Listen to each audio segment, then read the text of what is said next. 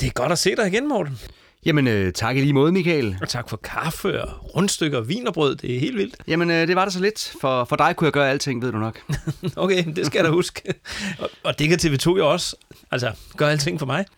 Ja da, det var da lige præcis dig, de tænkte på, da de kaldte en sang og et helt album for For dig kunne jeg gøre alting. Det er jo det, jeg siger. TV2's sange har altid handlet om mig. og lige der, hvor jeg stod sådan midt i mit liv. Ja, det siger du jo. Men øh, i dag kommer vi altså til at battle om, hvem den her plade ramte mest, da den udkom. Det kan jeg godt love dig. Okay, vi skal simpelthen battle i dag. Fedt. Mm. Det bliver sjovt. Jamen, øh, det må vi se, om du også synes bagefter. Men øh, Nå, ja. uden at røbe for meget endnu, så kan jeg allerede nu afsløre, at det her album er det mest følelsesladet for mig at lytte til, og, og det er heldigvis på den gode måde. Uh, spændende. Mm-hmm. Mm. Nu var de første kærester på månen, det var sådan et kæreste album for mig, så det lyder lovende, at øh, det her album også kan noget, altså på den gode måde for dig, ikke? Ja, ja, altså det var jo øh, Yndlingsbabe, der var mit kærestesovs album. Oh, ja, det hedder sådan et. Ja. ja, det her, det er noget helt andet, det lover jeg. Spændende, spændende. Hmm. Nå. Og må ikke også, at TV2 synes, det var lidt spændende, da den her plade udkom? Altså om de kunne leve op til succesen fra de første kærester på månen? Åh, oh, det tænker jeg helt sikkert, jeg synes, det er sjovt. Ja. Så øh, der var nok i hvert fald mange andre sangskrivere, som efter den der succes med de første kærester måneden havde ville have valgt bare at hvile på laverbærene, men det kunne Steffen Brandt aldrig drømme om. Nej, og, og hvorfor ikke egentlig? Fordi, som han sagde til Aarhus Stifttidende, laverbær, det er ikke noget, man hviler på, det er noget, man putter i maden.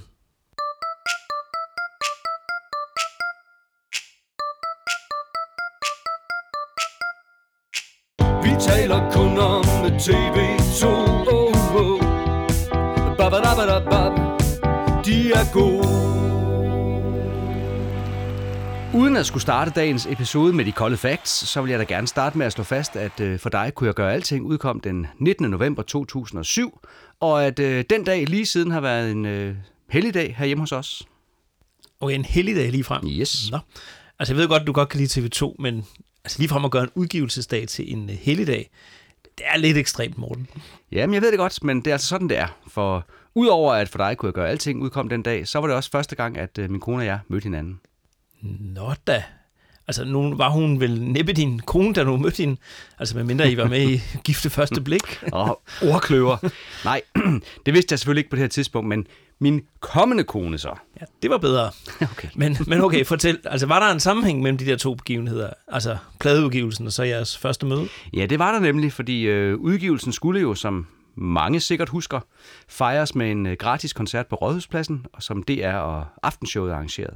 Ja, altså, det, det kan selv jeg huske, fordi jeg, også fordi jeg var der. Mm-hmm. Og i øvrigt sammen med hende, der et par år senere blev mor til min datter, men, uh. øh, men okay, nu skal jeg ikke stjæle dit rampelys. Nej, for I mødtes ikke der, vel? Nej, nej, nej, nej, nej, nej, nej. Så, så lad være med det. øh, på det her tidspunkt, der var jeg jo formand for den officielle fanklub, og jeg synes, vi skulle have nogle øh, sociale arrangementer i den her fanklub. Så jeg arrangerede sådan et fantræf før koncerten på nu hedengangne Rosie McGee's på Vesterbrogade. Jamen hyggeligt, hyggeligt. Øhm, måtte andre ikke komme? Jo jo, altså alle var velkomne, men når man fremviste sit uh, TV2-fan DK medlemskort, så fik man uh, rabat i baren. Og jeg købte endda nachos til alle, så man fik i den grad noget for sit uh, kontingent den aften. og dine kommende kone, hun var så med med fanklubben og deltog i det arrangement der, tænker jeg. Ja, altså hun var ikke helt medlem endnu, men hun havde skrevet på forhånd og spurgt, om hun måtte komme og være med, selvom hun ikke var medlem. Hun havde været det tidligere, skrev hun. Lad mig gætte så, altså hun dukkede op, og mm-hmm. så blev I gift. Ja, altså historien er lidt længere end som så, men i sidste ende, så var det sådan, det gik, ja. Jeg var ikke øh, helt fri af tidligere forhold, som man siger, så der var lige noget andet, der hmm. skulle ordnes også, men øh, det kommer vi måske til at høre en lille bitte smule mere om senere i afsnittet. Ja, det var lidt en cliffhanger mm-hmm. der. Mhm. Du... Nå, skal vi ikke lige først omgang høre noget musik? Vi er ved at høre nok om dine erobringer. Lige lidt for længe nu, men ja. Yes, jamen lad os gøre det. Lad os øh, da prøve at starte fra en ende af, ligesom vi plejer. Første sang på albummet er den her gang endda pladens titelnummer. For dig kunne jeg gøre alting jeg kunne gøre lige, hvad det skulle være. For dig kunne jeg gøre alting. Jeg kunne omformulere alt, hvad du siger. Giv dig nattens sidste kys. Lige før dagen ser dagens lys. For dig. Ba ba da ba da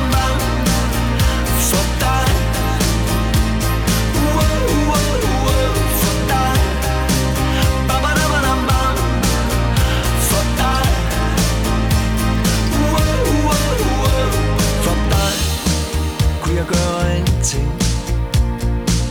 Jeg kunne gøre det nu, og jeg kunne gøre det her. For dig kunne jeg gøre alting. Hvis du synes, kunne jeg også bare lade være. Hold dig fast og giv dig fri. Når jeg ikke har mere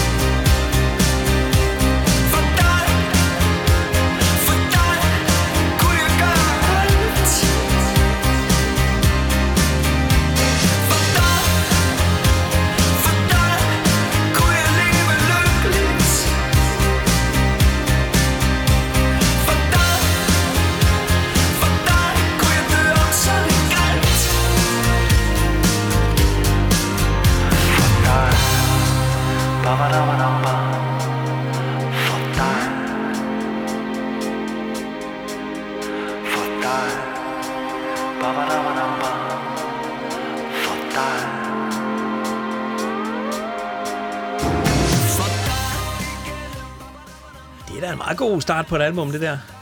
Altså, det er jo ikke en Ja da. specielt teksttung åbner, men det er en fin sang, og, og let at synge med på. Især alle de der babadabadabab undervejs. Ja, som jeg har sagt tidligere, så er det altså ikke mine yndlingssteder i Steffen Brands sangskrivning, når der går for meget babadab og oh, oh i den. Altså lige der, der er du altså sådan... Altså, også lidt mærkelig, Morten. tak for det. Øh, til gengæld så er jeg helt vild med de der stryger, der starter sangen. De, de giver mig altid sådan nogle kysbruden associationer. Altså personligt synes jeg jo, det er meget tydeligt at høre, at det er Thomas Troelsen, der har produceret. Mm. Øh, og udover den her sang, så har han jo produceret yderligere seks numre på albummet. Ja, altså groft sagt, så har han produceret det, som ville have været side 1 i gamle dage, mens Halfdan E har produceret side 2. Og så inden Thomas Troelsen så vender tilbage på bonustracket, eller ekstra nummeret, om man vil. Yes.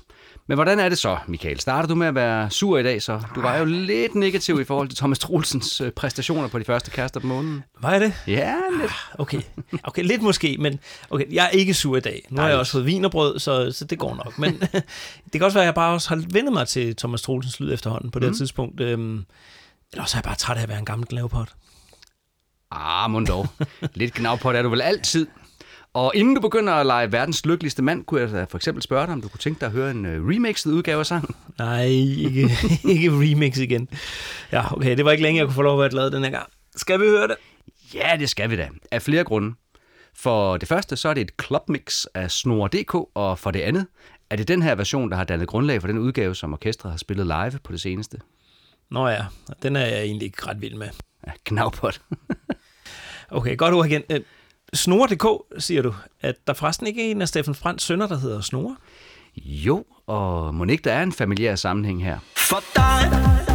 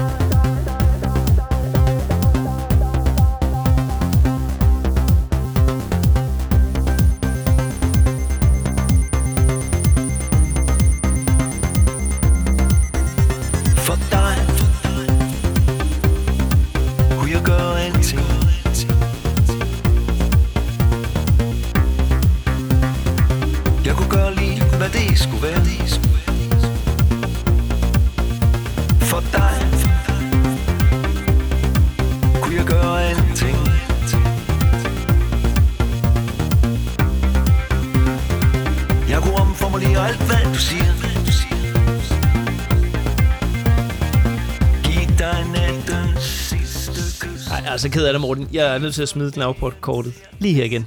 Jeg kan bedre lide originalversion. Jamen, det kan jeg da også. Øh, du sagde forresten i starten, at du ikke synes, den var så teksttung, den her, men jeg tænker, at den er lige præcis så teksttung, som man selv gør den til. For eksempel er der da en fin lille reference til Altid Friday, når du går, der jo ofte bliver sunget til begravelser. Du ved, man synger Dø om så det gælder, og her synger Steffen Brandt, for dig kunne jeg dø om så det galt. Det er selvfølgelig rigtigt nok. Øhm, også der, hvor han synger Gå igennem ild og vand mod et fjern og ukendt land. Øhm, lige der, der kan jeg faktisk godt finde på at synge Gå gennem øl og vand. Det er rent Shubidua at gøre det. Øh, men det er ret sjovt lige det sted der, fordi det er faktisk ikke med i øh, teksthæftet. Nej, det så jeg godt, øh, og det er altså lidt underligt. Mm-hmm. Øhm, og øvrigt er det jo slet ikke første gang TV2's historie, at lige det der sker. Nej, det kan man ikke sige. Men for at gøre det endnu sjovere, så kender du godt den der øh, sangbog, der blev udgivet med 50 af TV2's mest kendte sange i den, ikke? Oh, jo, den kender jeg udmærket. Det er jo den, vi synger fra rundt om juletræet hjemme hos os. Eller noget. Men jeg, jeg kender faktisk godt bogen, ja. Ja, og i den, jeg kiggede i, der, stod, der står der faktisk, gå igennem hele verden mod et fjernt og ukendt land. Hvad for noget? Det synger han jo ikke, gør Nej, det synes jeg heller ikke, men vi kan da lige høre stedet igen og vurdere, om han synger ild og vand, øl og vand eller hele verden. Øh, Det kommer her.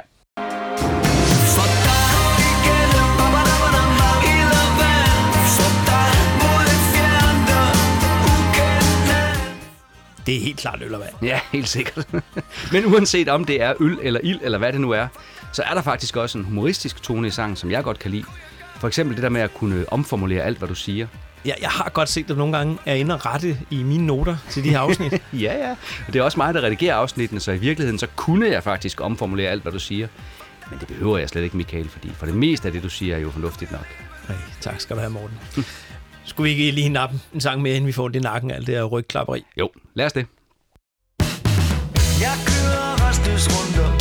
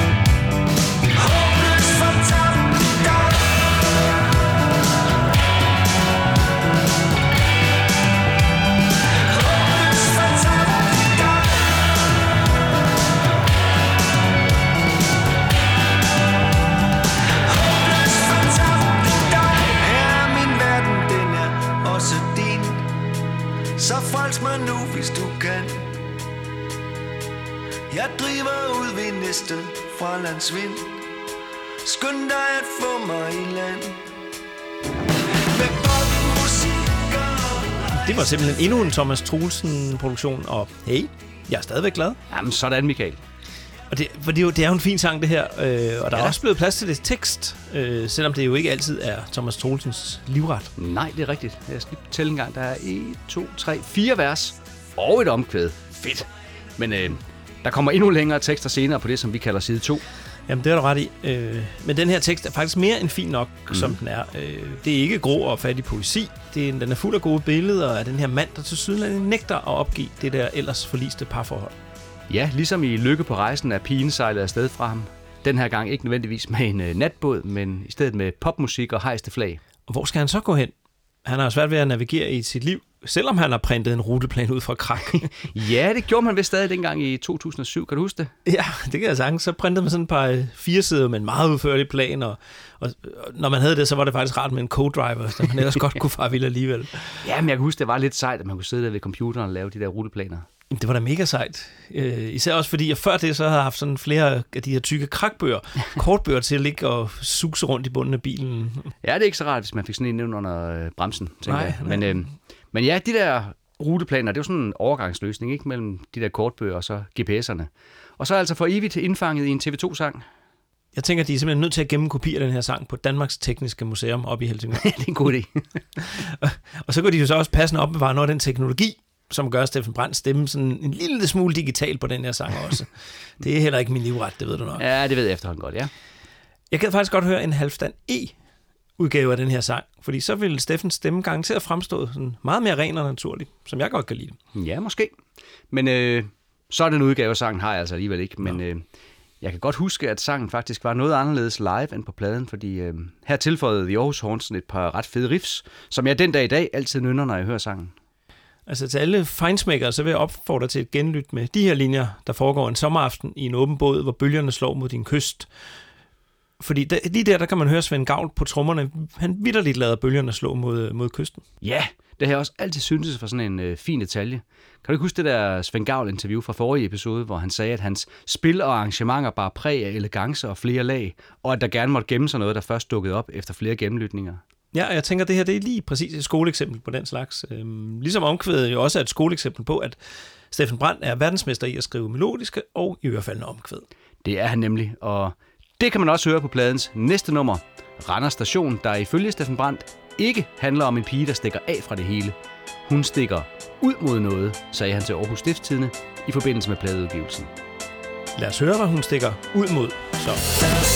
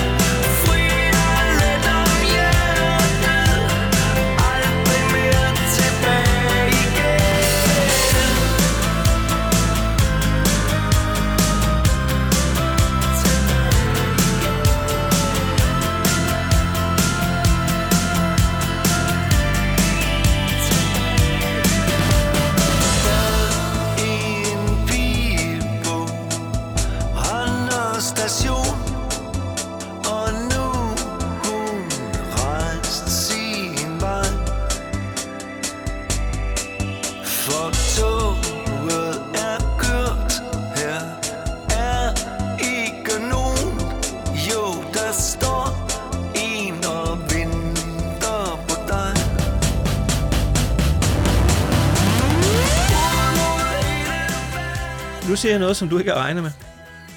Øh, okay. Du synes, at FCK's trøje er pænere end Brøndbys? er du sindssyg? Nej, jeg siger, at jeg lige har smidt en Thomas Troelsen produceret sang ind på min top 3. Åh, oh, din top 3. Jamen, øh, det er da også ved at være virkelig længe siden, der kom noget på den sidste, er det ikke? Er det det? Ja, det er det vel faktisk. Øh, Ja, hvem skulle have troet, der blev plads til en sang med, med lige præcis Troelsens lyd? Ja, ikke engang mig, tænker jeg. Men, øhm, men, men den her sang, den er altså steget i graderne over årene. Øh, jeg tænker, det er, fordi den altid er så fed live, og de stadigvæk spiller den og alt det her. Ja.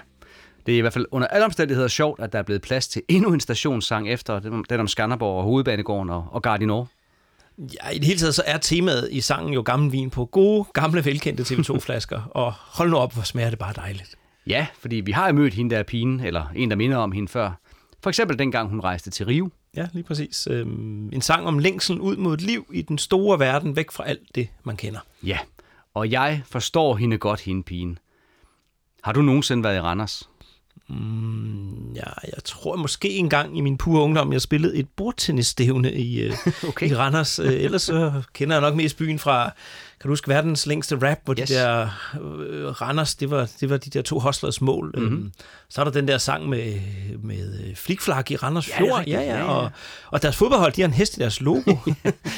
Det er da sikkert en fin by, er det ikke? Jo, det er det garanteret for en hel masse mennesker. Forhåbentlig da for de cirka 62.000, der bor i landets 6. største by. Uh, man har googlet. Personligt så har det altså aldrig været min favoritby. Måske husker du min øh, lille historie om en fadølsramt merchandise-bod i Hits-episoden. Jo, jo, der var du under beskydning. Ja. og derfor så vil du aldrig mere tilbage igen. Lige præcis. Men jeg har også gået på skole i Randers, og det husker jeg som en ret kedelig tid, og det trækker jo også ned i det samlede regnskab. Men ret skal være ret, for jeg har faktisk været til en af de bedste koncerter, jeg nogensinde har været til i Randers. Altså når man ikke regner TV2 med. Okay, med hvem? Jeg tænker ikke, øh, Beatles har jo ikke spillet Randers, det, det ved jeg da. Nej, men en, der er cirka lige så gammel. Paul Simon gav en fantastisk koncert der i 2002. Paul Simon. Øhm, Morten, hører du egentlig nogensinde kunstnere, der ikke er fyldt 65 endnu? Nej, det er nok ikke så mange i virkeligheden, men øh, skal vi ikke øh, tilbage på sporet og tale lidt om TV2 igen, synes du? Jo, jo da, selvfølgelig skal vi det. Godt så. For selvom Steffen Brandt efterhånden er lidt oppe i årene, så er han jo i den grad ung med de unge, og det ser man især, når de spiller den her sang live. Okay, skal jeg lige tænke over, fordi jeg aner simpelthen ikke, hvad du taler om. Okay? Men så prøv lige at holde øje med ham næste gang, når han synger linjerne. Toget er kørt, her er ikke nogen. Jo, der står en og venter på dig. Det der jo bliver altid leveret med sådan et hip-hop-agtigt og meget ungt håndtegn. Ja, og hiphop, det, det er jo kun for de unge, siger man. Det siger man jo. Ligesom de her mobiltelefoner, det er også kun for de unge. Ja, jeg synes, du vrøvler i dag, Morten. Okay.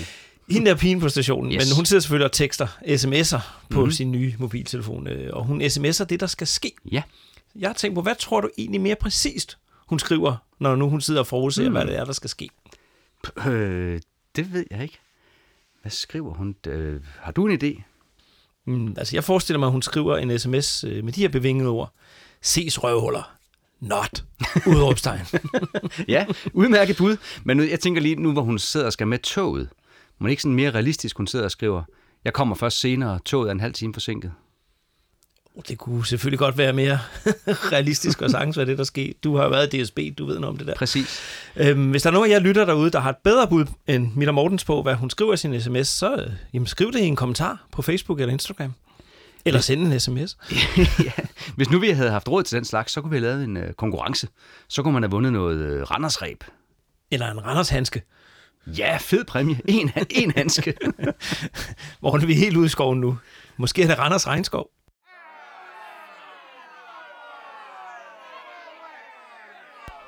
nu er vi simpelthen nødt til at komme tilbage på sporet, øh, Michael. Vi kan ikke fortsætte på den her måde. Hvad, hvad gør vi? Øhm, ja, altså, lad os tage et sted hen, hvor der ikke er tog overhovedet. vi kan jo høre lidt af live-versionen af sangen, som TV2 udsendte på Greatest Greenland-albummet. God idé, det gør vi. Her er Steffen Brandt trådt lidt i baggrunden for at give plads til brødrene Frederik og Christian Elsner fra bandet Nanook. Og en lidt alternativ tekst.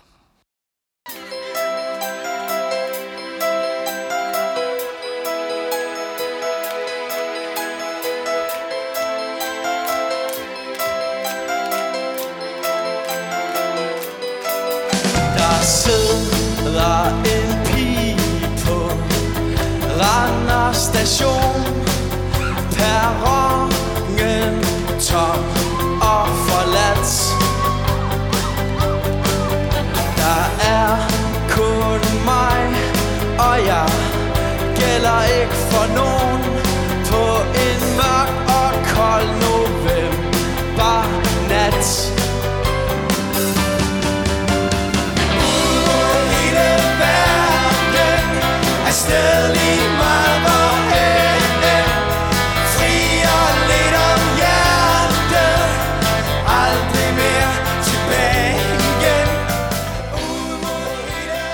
vi lige vender originalversionen igen, så er den altså lidt underligt produceret, synes jeg. For eksempel så overstyrer vokalen flere gange, så man næsten ikke kan høre, hvad han synger. For eksempel, helt i starten på den allerførste, der sidder en pige-linje. Jeg, jeg har godt tænkt på det, og det er en lille smule kikset, men hey, der er jo altså ikke mange fejl på TV2's blader generelt, så jeg tilgiver dem gerne en lille svipser som den her. Jamen, det gør jeg da også. Især fordi der er mange lignende fejl på de sange, som jeg selv udgiver. Jeg vil til enhver tid hævde, at det er bevidste og meget kunstneriske valg. Jeg har en anden lille svipser her, som jeg er spændt på, om du også vil tilgive dem. Hør engang.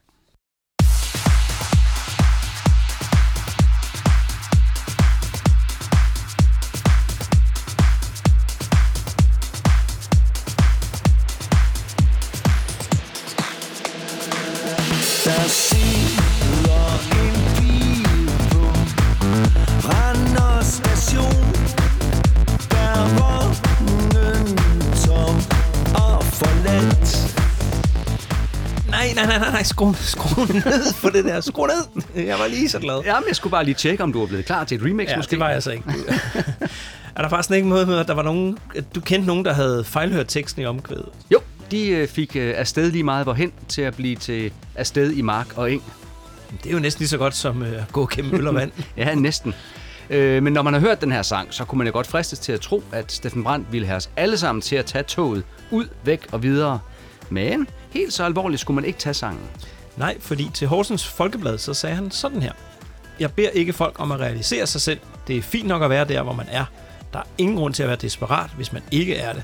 Men på det mentale plan kan man måske godt udfordre sig selv lidt mere. Ja, ja, god pointe, Steffen B. Men øh, hvis nu man gerne ville endnu længere ud i verden, end man kunne komme med tog, så kunne man jo overveje at flyve i stedet. Ja, det kunne man godt. Og en af de nærmeste lufthavne, når man bor i Randers, det er vel Aarhus Lufthavn i Tirstrup, eller Aarhus Airport, som den vist hedder. Ja, det hedder den. Øh, For fint skal det jo være, men det kunne faktisk sagtens have været endnu finere, ikke Michael? Jo, det er jo det, der er vores pointe, fordi i 2007 så afholdt, afholdt man i Aarhus en idékonkurrence med titlen Det gode liv anno 2037. Altså først og fremmest så er det jo lidt sjovt, at konkurrencen forudser titlen på et kommende TV2-album. er rigtigt. Men ellers så var noget af det sjoveste, og måske mest logiske, at man forestillede sig, at lufthavnen til den tid ville hedde da, da, da, da, Steffen Brandt Airport. Sådan. I Liverpool hedder lufthavnen Liverpool John Lennon Airport, og har det geniale slogan Above us only sky. Det er ret elegant. Mm-hmm. hvis, øh, hvis der, hvad skulle sloganet så være i Steffen Brandt Airport? Øhm, det kunne være ud mod hele verden, selvfølgelig. God idé, men øh, så skulle de nok ikke tilføje aldrig mere tilbage igen.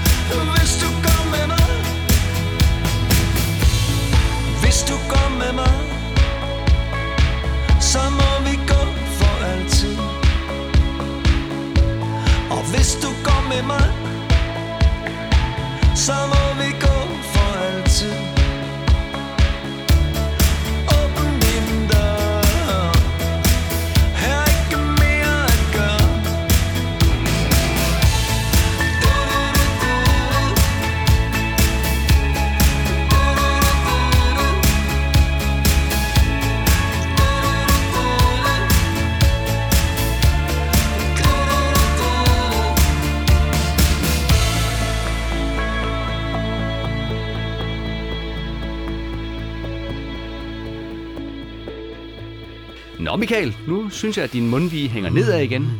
Du var da ellers lige så glad. Ja, ja, jamen, det var jeg også, men øh, nu hører vi den her sang, og så blev jeg lige mindet om, hvorfor Thomas Troelsen, han, han er ikke min yndlings TV2-producer, men øh, det er de, en af de sange, hvor jeg mistænker ham, simpelthen for at bede Steffen Brandt om at udtrykke sig så kort som muligt. Øh, og for min skyld, så må der altså godt have været lidt mere tekst. Okay. Altså, jeg har ikke noget med korte tekster, mm-hmm. fordi se bare Kalundborg-bogen, Ja. kæmpe hit. Men her virker det for mig lidt ligesom om, at den er blevet konstrueret til præcis at skulle passe ind i Thomas Troelsens, den der hit-skabelon. Ja, og noget hit blev den her sang alligevel ikke rigtigt. Nej, det gjorde den jo nemlig ikke. Øhm, og nu jeg tænker over det og hører sangen igen, så synes jeg, at hele nummeret lider under, at øh, hverken trommer eller guitar eller bas, de får ikke plads til at udfolde sig. Okay så. Øh, hvis du går ud nu, hvornår kan du så være tilbage i København? Ja, ja, ja. Navpot, Michael. Ja, ja. Jeg synes faktisk, det er en meget stærk sang, den her, men, men det hænger nok også sammen med, hvordan den ramte mig der i november og december 2007. Du ved jo godt, hvor mange gange i træk man lytter til et nyt TV2-album, når det udkommer, ikke? Jo, en 6-2700 gange. Det kører i hvert fald i døgndrift. Ja, lige præcis. Og når man så, som jeg, befandt sig i en situation, hvor man havde mødt en ny pige og var stormende forelsket, samtidig med, at man allerede var i et fast forhold, så satte den altså tanker i gang og, og ramte som en knytnæve, kan jeg godt sige det, og det på trods af den korte tekst. Ja, okay. Altså, hvis du går ud nu, så går min verden under. Nemlig ja. Ja, Og hvis du går med mig, så må vi gå for altid. ja, ja. godt se det. Yes. I Berlingskes anmeldelse af pladen skrev Thomas Søje Hansen, at Steffen Brandt netop her sang så inderligt og uskyldsrent, at man greb ud efter ordene og trak dem tæt ind til sit hjerte. Man er ramt, skrev han, som man blev ramt af lanternen og et utal af søstersange fra dengang. Og øh, til BT, så sagde Steffen Brandt selv sådan her om sangen. Det er ikke bare sådan, hvis du går nu, så er fint. Det er sådan, hvis du går ud nu, så må vi gå sammen. Det er lidt skræmmende. Det er første gang, det er gået op for mig, at det er sådan, det kan være et kærlighedsforhold. At man kan være så fanget i sin kærlighed, at man er klar til at gå hele vejen. Yes. Sangen var en af de sange, som de spillede til den her release-koncert på Rådhuspladsen, og her satte Steffen Brandt virkelig alt på spil. Sangen ligger så sindssygt højt, at den kan være svær at fremføre live, men jeg synes, at det tilfører den en helt ny dimension af inderlighed. Lad os lige høre lidt af den udgave engang.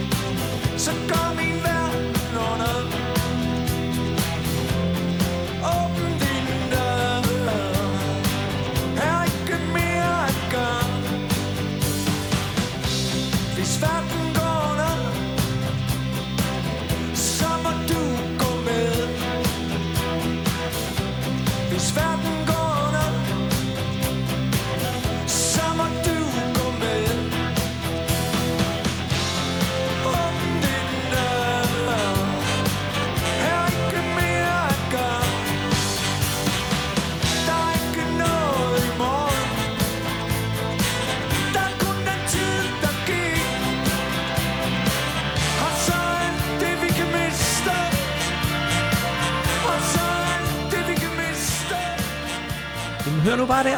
Det er jo en helt anden sang. altså meget mindre Thomas Troelsen og meget mere Aarhus Horn. Tak. Øhm, og så kan jeg godt høre, at den har sådan de der lanternenagtige kvaliteter, som meget. en af anmelderne var inde på. Øhm, og, du, og du har også ret i, at den ligger godt nok højt. Altså selv for Steffen Brandt. Jeg tror, jeg opgiver at synge med, når den ligger helt deroppe. Og tak for det, øh, er vi mange, der siger. Jeg er også helt tryg ved at overlade den til Steffen Brandt, faktisk. Og, og det der med at lægge sangene så højt, det var et helt bevidst valg fra Thomas Troelsens side. Jeg har fundet et lille klip fra en DR2-udsendelse, der hed En Godfather i dansk musik, hvor Thomas Troelsen fortæller om, hvorfor de skal ligge så højt. Og øh, min, øh, mit udgangspunkt for at lave de første kærester på månen var helt klart at ramme noget, som var TV2 øh, i en nødskal. Men bare endnu, hvad var det, 2005 eller sådan noget. Øh, netop at få altså, lidt mere energi i instrumenterne og sørge for, at, du ved, at, det, at det ikke blev alt for sådan singer-songwriter-agtigt, og det kom mere ud af højtalerne, man skal sige. Få Steffen Brandt især til at synge meget højere, end du har gjort på de foregående plader. Jo, tak. Hvilket har været... Øh, da vi så skulle i gang med at lave den nye plade her, der havde Steffen Brandt allerede sat transponeret Ja. ja. sangene op, ikke? Jeg havde allerede taget toppen af, af, af den første. Men de, den, på den første plade, der blev alle sangene jo transponeret 3-4 toner op, fordi jeg ville have den der øh, lyd af Steffens stemme, som jeg var så vild med, dengang jeg var barn. Okay, så. Øhm, altså, jeg synes nu faktisk, at Steffen Brandt selv skal have lov til at vælge sin toneart, men øhm, ja, skidt pyt. Okay. Nu øh, fortalte jeg jo lige før, at Thomas Søje Hansen fra Berlingske sammenlignede Hvis du går ud nu lidt med Lanternen. Ja, det gjorde det. Og jeg synes faktisk lige, vi skal høre den en gang. Altså Lanternen.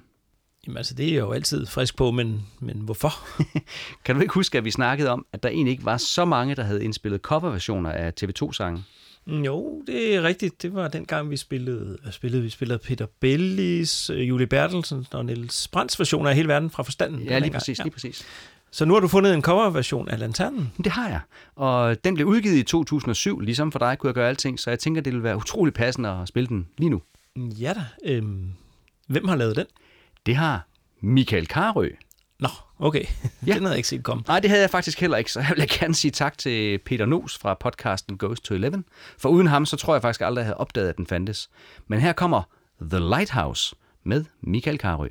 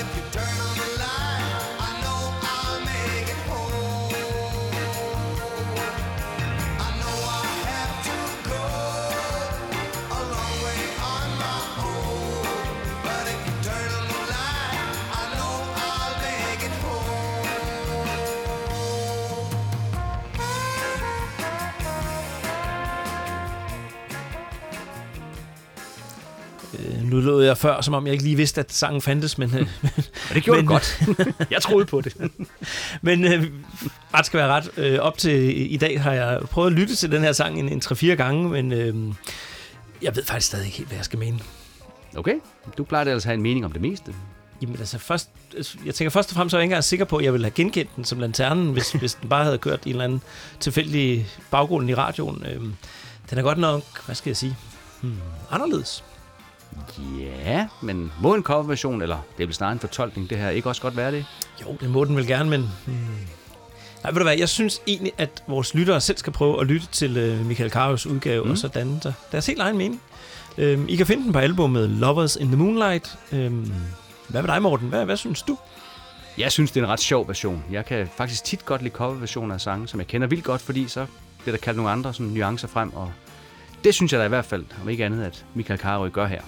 Andre nuancer, det er der i hvert fald. Mm, Det kom der for øvrigt også, da øh, Jørgen Let til uden for sæsonen på Bornholm læste fantastiske Toyota op. Prøv lige at høre det her lille klip. Fantastiske Toyota. Fantastiske Toyota. Fantastiske Toyota. Fantastiske Toyota. Ja, okay, det var et lille klip, øh, men sjovt. Måske skulle vi prøve at bede øh, Dennis Ritter om at læse den op også. Ja, nu kan jeg se på, på det der klip, hvor, hvorfra Jørgen Lets oplæsning stammede. Han stod sådan med teksten foran sig. Mm. Det tror jeg på en eller anden måde ikke, at, at Dennis han ville have behov for. Nej, han virker lidt som typen, der kan alle sangene udenad. Ja. I øvrigt så havde øh, TV2 også Jørgen Let med på scenen til Skanderborg Festival i 2008, hvor han øh, gentog succesen med at recitere fantastiske Det Toyota. var nemlig ret smukt. Jeg stod selv helt oppe foran bøgescenen, mm. og jeg husker faktisk, at ham, jeg var, var der sammen med, han gik ud for at tisse lige, da Jørgen Let han kom på scenen. Men øh, så havde han heldigvis to fadbamser med tilbage. Altså min kammerat, ikke, ikke Jørgen Let. Nå, nok om lidt. Øhm, nu synes jeg, der skal mere TV2 i den her podcast. Enig. Hvad med mere øh, politi på gaderne? Nej, det går jeg ikke ind for, men øh, mere sympati på gaderne, det er jeg med på.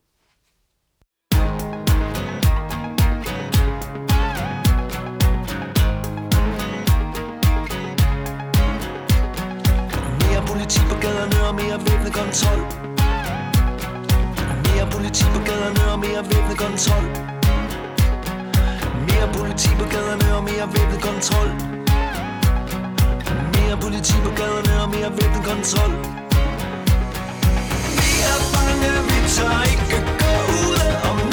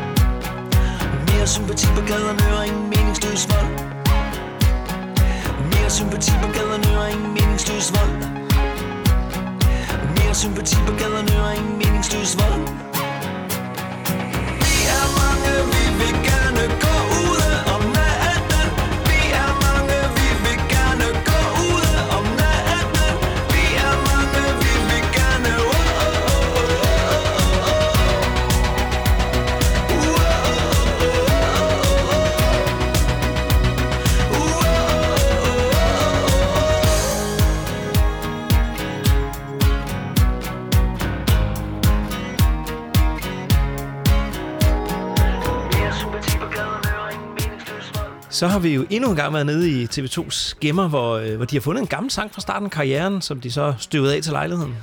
Ja, ifølge det tidligere nævnte Svend Gavl-interview, så havde de jo en 30-40 sange liggende. På de første kærester på månen, der hørte vi kontoret lukker nu, og denne gang så er det så mere sympati på gaderne. Som, ja, den har jo lidt den samme historie som øh, kontoret lukker nu. Mm. Det er nemlig en af de der sange, eller det var en sang, som var på live-repertoireet i starten af karrieren, men som aldrig kom med på en af de første plader. Mm. Men øh, kan du lide den så? Altså, jeg kan bedre lide den her, end hvis du går ud nu. Øh, og ligesom med kontoret lukker nu, så virker det til, at Thomas Troelsen, han, han har ret godt styr på det der med at føre de der gamle 80'er sanger up to date. Ja, og øh, sangen er i det hele taget også blevet øh, fornyet, også sådan øh, tekstmæssigt, fordi i originalversionen, der synges der ikke om mere sympati på gaderne. Der er det kun politiet, der skal være mere af, så i den gamle version, der er den mere entydigt ironisk, tænker jeg. Men det tænker jeg, du har helt ret i. Altså, Steffen Brandt, han sagde jo selv sådan her til Berlingske i november 2007, hvor det jo så kun var cirka et halvt år siden, at øh, der havde været de der massive gave, gadekampe i forbindelse med politiets rydning af ungdomshuset på Jaguar 69. Så længe jeg kan huske, sagde han, har vi faktisk haft et udkast liggende til en sang, der hedder Mere politi på gaderne. Men vi opgav egentlig at ironisere over det, for det er der da ikke nogen, der siger mere, tænkte vi. Men da vi sidder i studiet og indspiller, bliver vi omringet af begivenhederne på Nørrebro, og vi finder ud af, at der kommer mere politi på gaderne. Det er en voldelig optrapning af en situation, som aldrig burde have fundet sted, og som vi er nødt til at forholde os til. Det går pludselig op for os, at sangen er et farvel til et langt liv med ironi og sarkasme, som jo om noget har været vores værktøj til at få skovlen under nogle ting. Og det kan jeg så se, når jeg lytter albummet igennem. Der er trådt et mere direkte sprog, en mere direkte henvendelse ind i sangene, end der har været tidligere. Men, altså, Steffen Brandt havde ikke helt sagt farvel til ironien og glimtet i øjet. Øh, fordi mens politiet gjorde sig klar til kamp på Nørrebro, og aviserne de var jo fyldt med historier om, at ungdommen var mere uregerlig end nogensinde, sagde Steffen Brandt sådan her fra scenen til Danish Music Award. Og mens at Citadel åbner konvolutten, så vil jeg gerne rette en direkte henvendelse til alle de børn og unge, som sidder derhjemme foran fladskærmene. Har I overhovedet styr på, hvad jeres forældre render rundt og laver? Hva?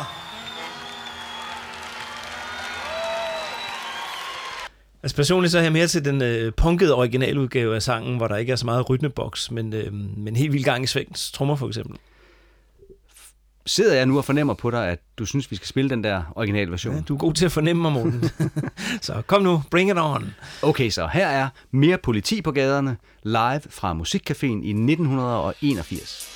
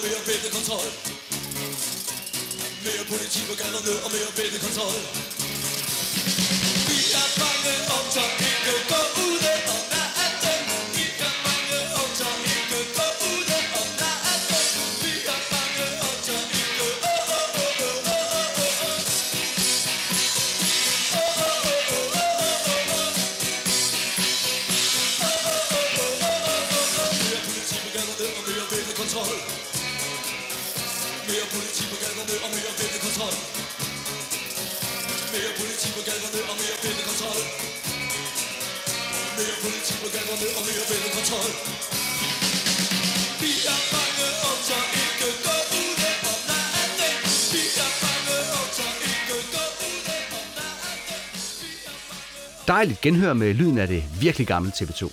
Altså helt enig. Den der energi. Wow. ja. Steffen Brandt er ikke altid selv så vild med at skulle konfronteres med fortiden.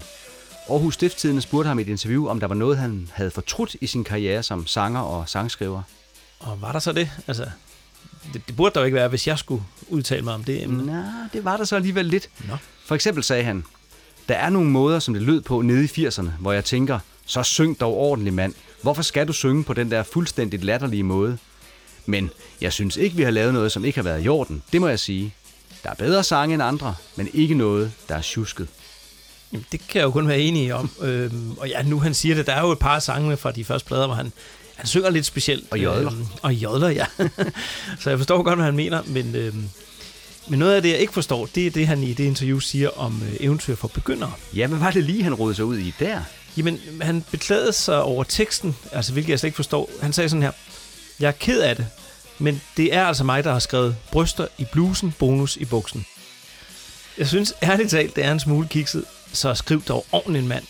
Men det er på mange måder en dejlig alvorlig sang, men lige de der linjer mumler jeg sådan lidt, når vi synger den i dag. Ej, kom on, Steffen Brandt. Det er da en gennemført fantastisk sang. Ja, altså bryster i blusen, bonus i buksen, sommer. Det er genialt, det der. Det skal der bare overhovedet ikke mumles. Men jeg fandt faktisk et klip fra den uofficielle åbning for Gud og hver mand af Aarhus Festuge i 2007, hvor Steffen Brandt synger Eventyr for begyndere sammen med The Broken Beats. Og når nu man ved, hvordan han har det med lige præcis den linje, så, så kan man faktisk godt høre, at han mumler den lidt. Prøv at høre her. Det var sådan, det var Og du er smuk som en drøm Og det var mere end nok Bryster i blues Bonus i sommer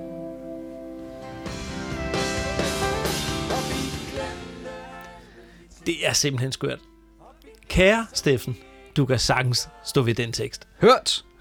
I den næste sang, der tror hovedpersonen, at man kan disponere sig ud af enhver form for krise og spise kærligheden af med lidt brød til enderne. Sådan lige at give den næring nok til, at den holder sig i live. Men sådan går det jo ikke.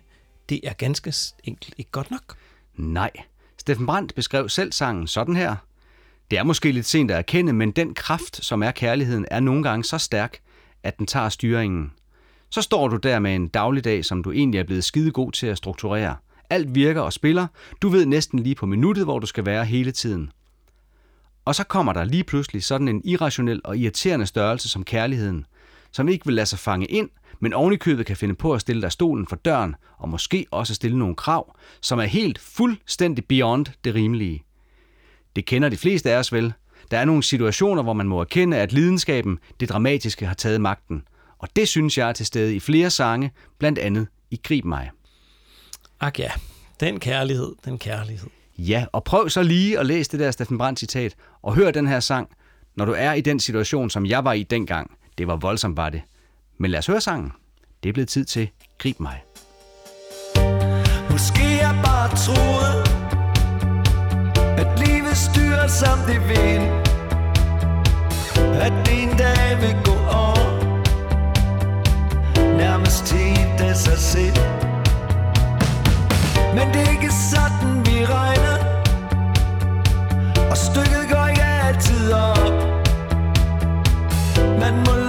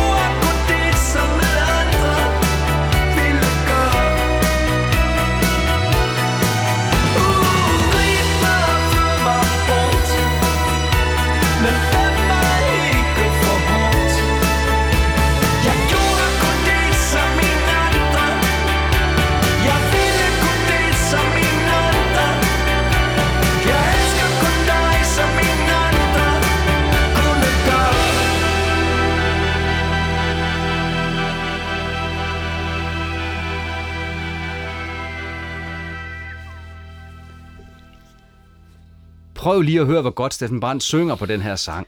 Ja, det lyder godt. Altså, der er ikke meget, hvor vi lige over det før, sådan start 80'er jodlen eller, eller mystisk affekteret Lars H.G. wannabe over det her. Nixon, det er Steffen Brandt i topform det her, og en fantastisk sang i øvrigt. Jeg tror måske endda, det er mit yndlings TV2 Thomas Troelsens samarbejde. Ja, den er også god. Øhm, jeg tænker måske, vi skal have den med på vores den her Kyste Nu-liste. Ja, Altså, den skal i hvert fald med på afskedssang playlisten, for den handler umiddelbart om, at hvis man ikke husker at kysse livet og dyrke sin elskede, og bare lader hverdagen råden hjem, så går stykket ikke altid op. heller ikke selvom man både låner og skylder. Nej, man kan sætte nok så meget i mente, men livet går altså bare ikke over sådan helt af sig selv. Det er jo nogle fine matematikmetaforer.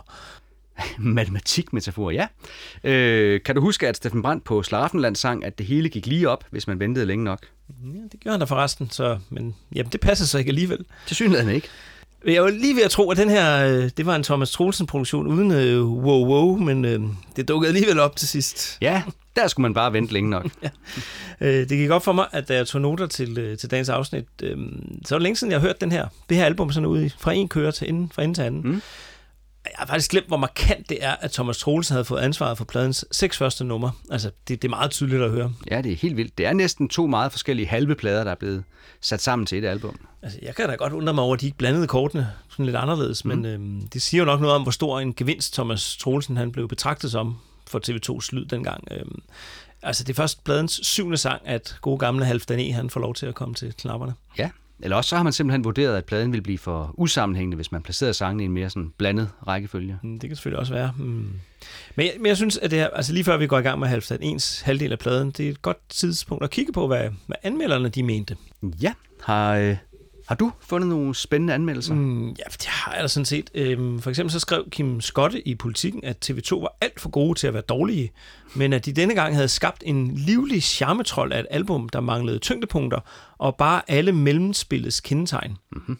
Han gav pladen 3 ud af 6 stjerner og skrev, at TV2 og Steffen Brandt fastholdt hinanden i en eminent lethed, der samtidig indebar en naturlig og automatisk kækhed, som det kunne være spændende at undvære for bare én gang skyld. Og anmeldelsens overskrift lød, genudsendelse med charme. Aha. BT's Steffen Jungersen gav også tre stjerner ud af seks og skrev under overskriften TV2, som du har hørt dem før, sådan her. Sangene er så meget TV2 Classic, at man sidder tilbage med den der umiskendelige følelse af, at man har hørt det hele før. Bedre. Men 26 års banderfaring borger trods alt for en vis kvalitet, så sangene er så afgjort i orden, om ikke overordentlig i orden. TV2 afleverer genudsendelserne med stor entusiasme, og lyden er måske den bedste på noget TV2-album nogensinde. Det er sjovt, som de roser uden at rose ja. igennem. Jeg Ja. forstår det ikke helt. Nå. Jyske Vestkysten, de skrev om øh, bevægelse på stedet og gav fire stjerner ud af seks. For dig kunne jeg gøre alting kalder på det bedste i lytteren. Smil, overskud og eftertænksomhed. Den gør det let, men ikke uvedkommende. Budskabet skal ikke tages mindre alvorligt, fordi det leveres som en møgbeskidt popsang. En møgbeskidt popsang. Okay. Øh, lad os slutte med Berlingskes firestjernede anmeldelse. De rapporterede om mere sølv til sangskatten, og Thomas Søje Hansen skrev disse pæne ord. Ørehængende poprock med en snært af romantik og det uendelige blå, så langt det indre øre og øje rækker. Det er let elskelige sange, med en snært af almen melankoli, frem for den krashed og elegante ironiseren, som Steffen Brandt måske er mest berømmet for. Sangene her er for gode til at blive overhørt. Der er især nogle stemninger i dem, som end ikke fandtes på det virkelig glimrende De Første Kærester. Og den der snært af romantik og det uendelige blå, det kommer jo i den grad med på pladens næste nummer, som altså samtidig er den første sang på pladens Halvdal E-afdeling, der starter noget så fint med Prinsessen holder fridag. Ved du egentlig, hvordan man ved, om en pige er en rigtig prinsesse? Ja, så er vi blevet sådan noget H.C. Andersen med nogle ærter og madrasser og sådan noget. nej, nej, slet ikke. Ifølge Steffen Brandt himself, så ved man det først, når det er for sent.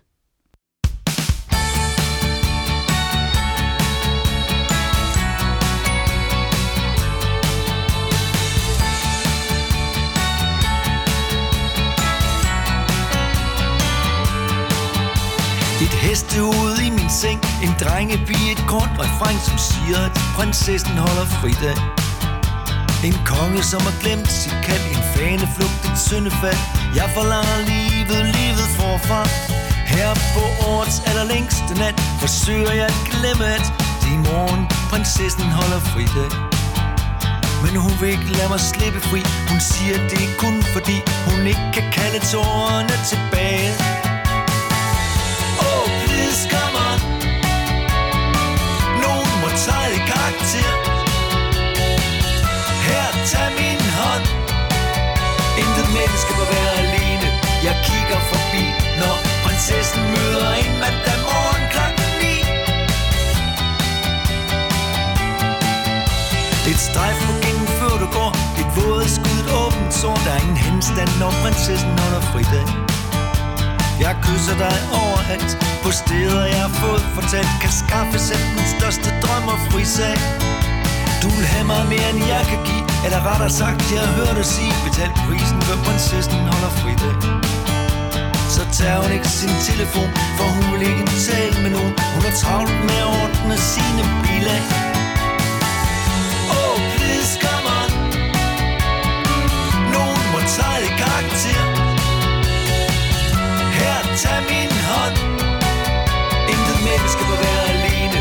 Kigger forbi Når prinsessen møder en mandag morgen klokken 9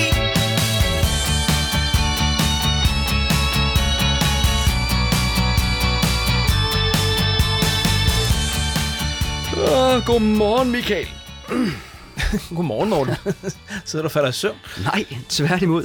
Min kone havde den her sang som sin vækkeursang de første mange år af vores forhold, så den giver mig de vildeste. Det er tid til at stå op vibes, den her sang. Jamen, det er da også bedre end øh, Rasmus Radiomus, som vækkede en gang. Godmorgen! Så, så øh, Det var jo faktisk Andrea, det var ikke Rasmus. nej, det var, Radiomus. men øh, fint nok. Ja, nå.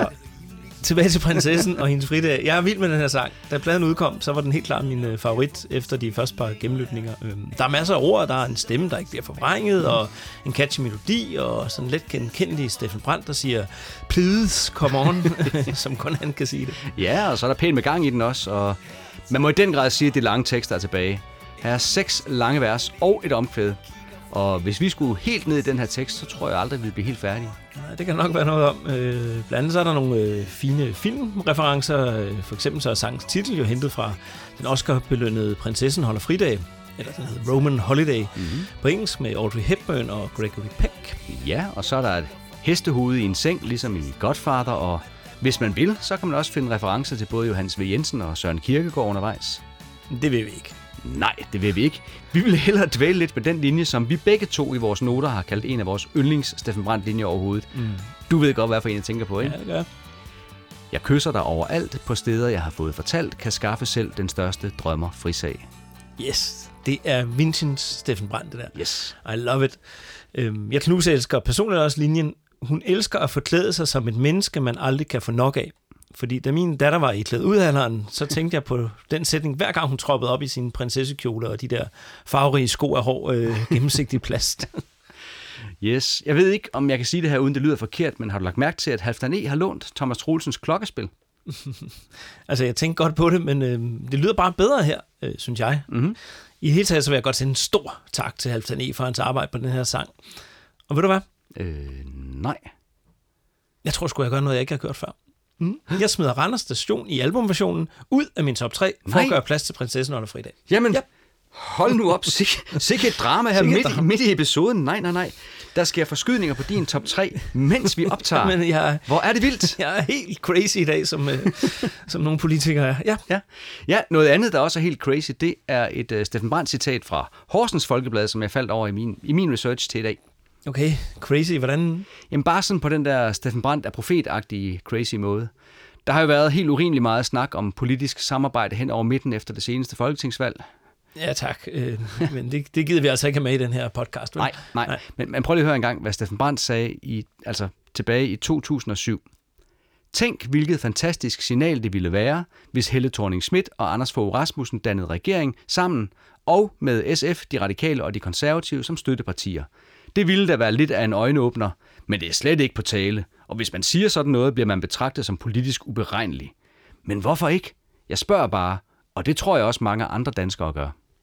Oraklet fra Sjællandsgade slår til igen. Ja, man kommer til at tænke på Plats gamle Steffen Brandt hyldes, den der, der hed øh, Profeten og Lillemor. Men som af mange er kendt som Jesus fra Jylland. Som sjovt nok er titlen på albumets næste nummer.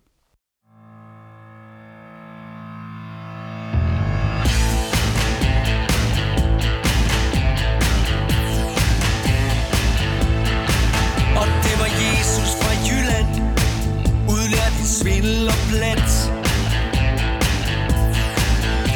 De bar ham hjem fra byen. En kold decembernat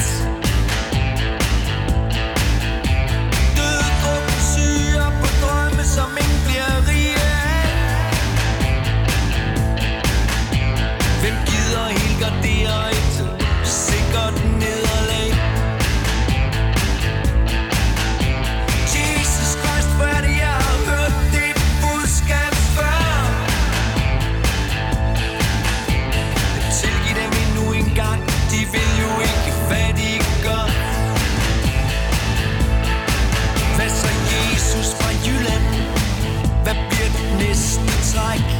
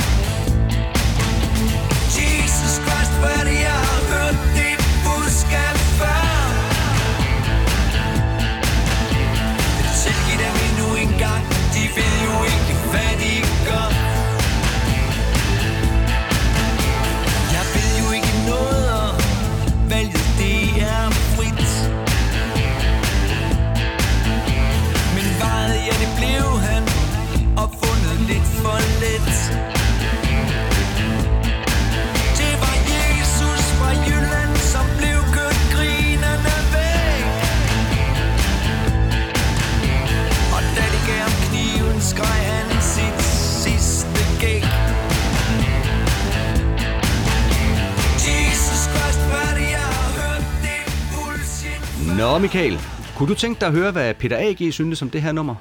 Hva? Det ved jeg sgu ikke. Øh, Nej, det, det kan jeg det. Nej, det ved jeg faktisk ikke, om du kan, men øh, du slipper ikke. For til Jyllandsposten kaldte han det for røvballerok. Hvad for noget? Det siger mig ikke noget, sagde han. Akkorderne, måden at spille basgangene på, jeg har hørt det hele før. Kom nu videre. Journalisten frems, fremlagde så argumentet, at TV2 stadig solgte mange plader, men til det sagde Peter A.G. sådan her. Ja, fordi folk vil have det, de kender. Folk er konservative. TV2's problem er, at de laver det samme hele tiden, og kun de kan sætte en grænse. Kunstnere kan have en glimrende forretning ved at male de samme masker hele livet, men ud fra en kunstnerisk vurdering fungerer det ikke. Det er set før. Det er uinteressant. Hold da op. Ja, Jeg ved ikke, hvad jeg skal sige. Nej, jeg, skal, jeg siger ingenting, tror jeg. Og, og ikke engang Steffen Brands lyriske univers var nogen formidlende omstændighed.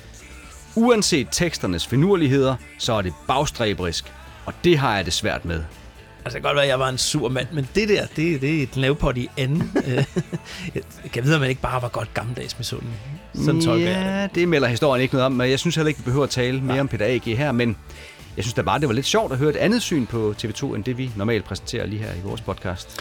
Jo, jo, selvfølgelig. Øh, Steffen Brandt, han sagde, altså sjovt nok noget helt andet om sangen, da Berlingske spurgte ham om, hvad den handlede om.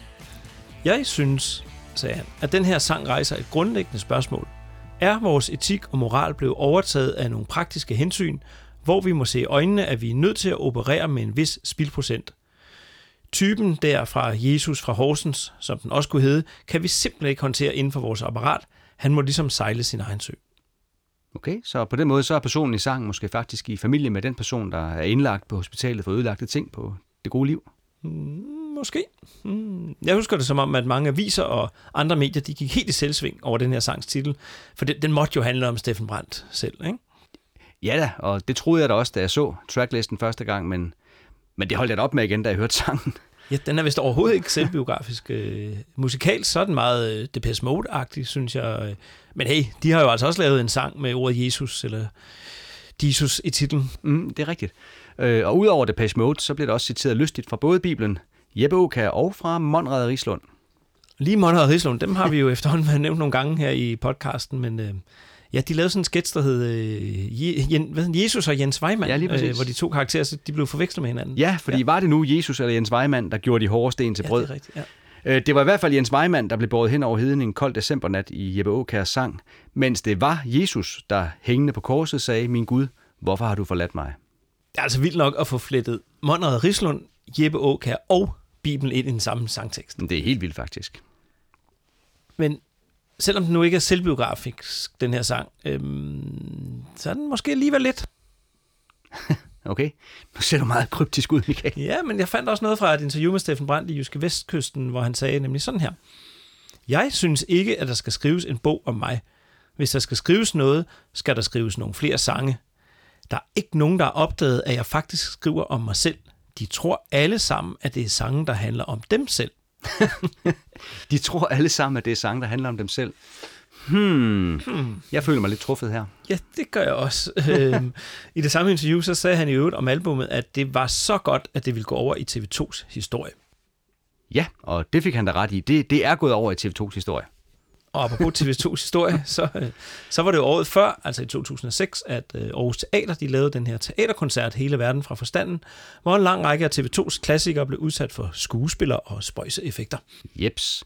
Jeg så forestillingen to gange, og det absolute højdepunkt var, som jeg vist også har nævnt tidligere, øh, at Sara Graborg, hun sang den her gåsehudsfremkaldende smukke version af netop Hele Verden fra Forstanden.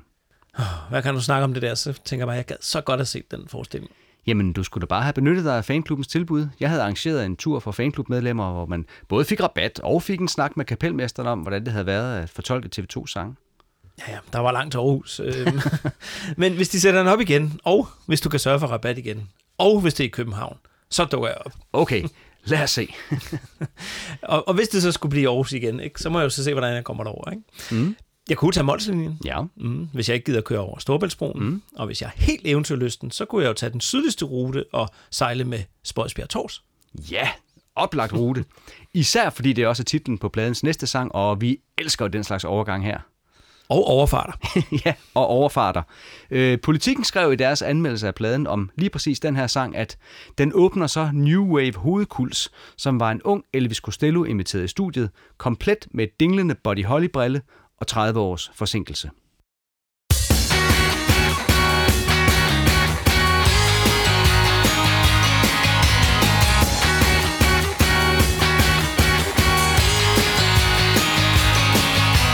Sejler færgen Spodsbjerg Tors Vi ligner allerede sidste års. Model for de der kan, men ikke vil. På dækket slår du drømmen ud og Står som tigger kongens brud Mens trokkerne ser måbende til.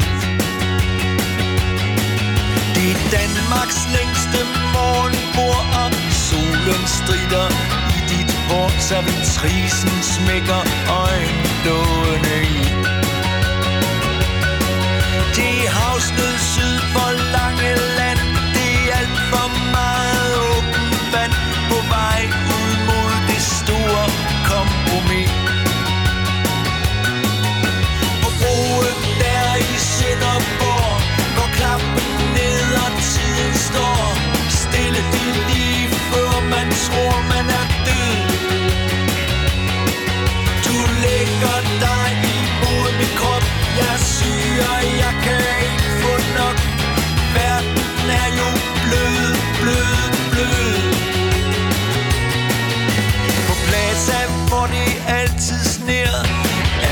Er at alt for sent Ser et glimt af politiets fartkontrol.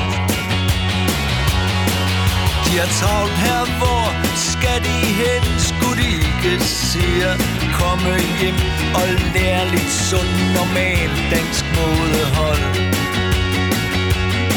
jeg går søvnløst rundt i København Gennem tomme gader uden navn Er jeg lost in transformation eller hvad?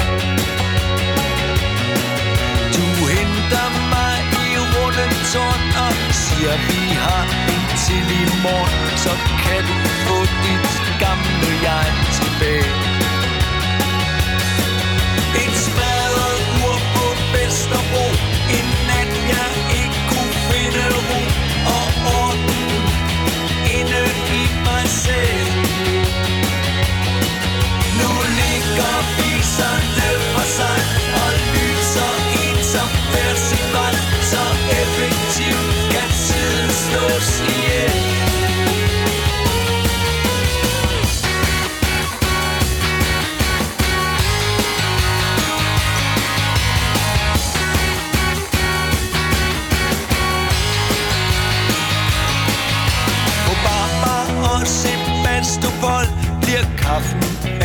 hurtigt kold. Lad os gå hen til dig og være dem vi er.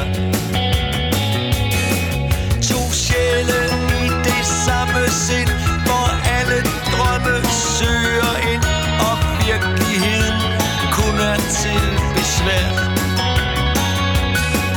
Man kan elske vildt og tungt og blidt Og hårdt og meget, men aldrig lidt. Så går verden baglæns.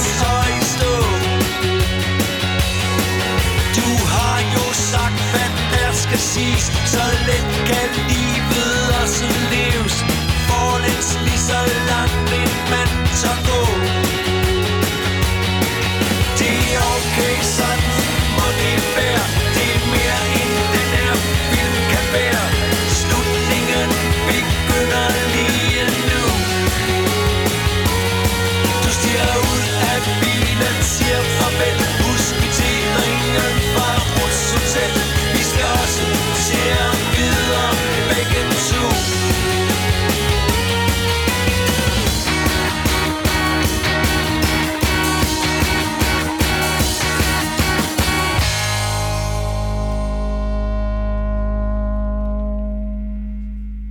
Det godt, det her det er.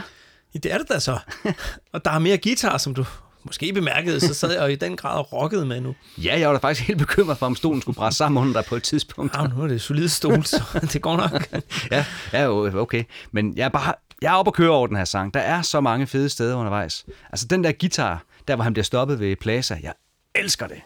Ja, og tekstmæssigt, så kommer vi jo virkelig vidt omkring. øhm, jeg har skrevet af Steffen Brandt, altså virkelig er et tekstmæssigt hopla på den her sang.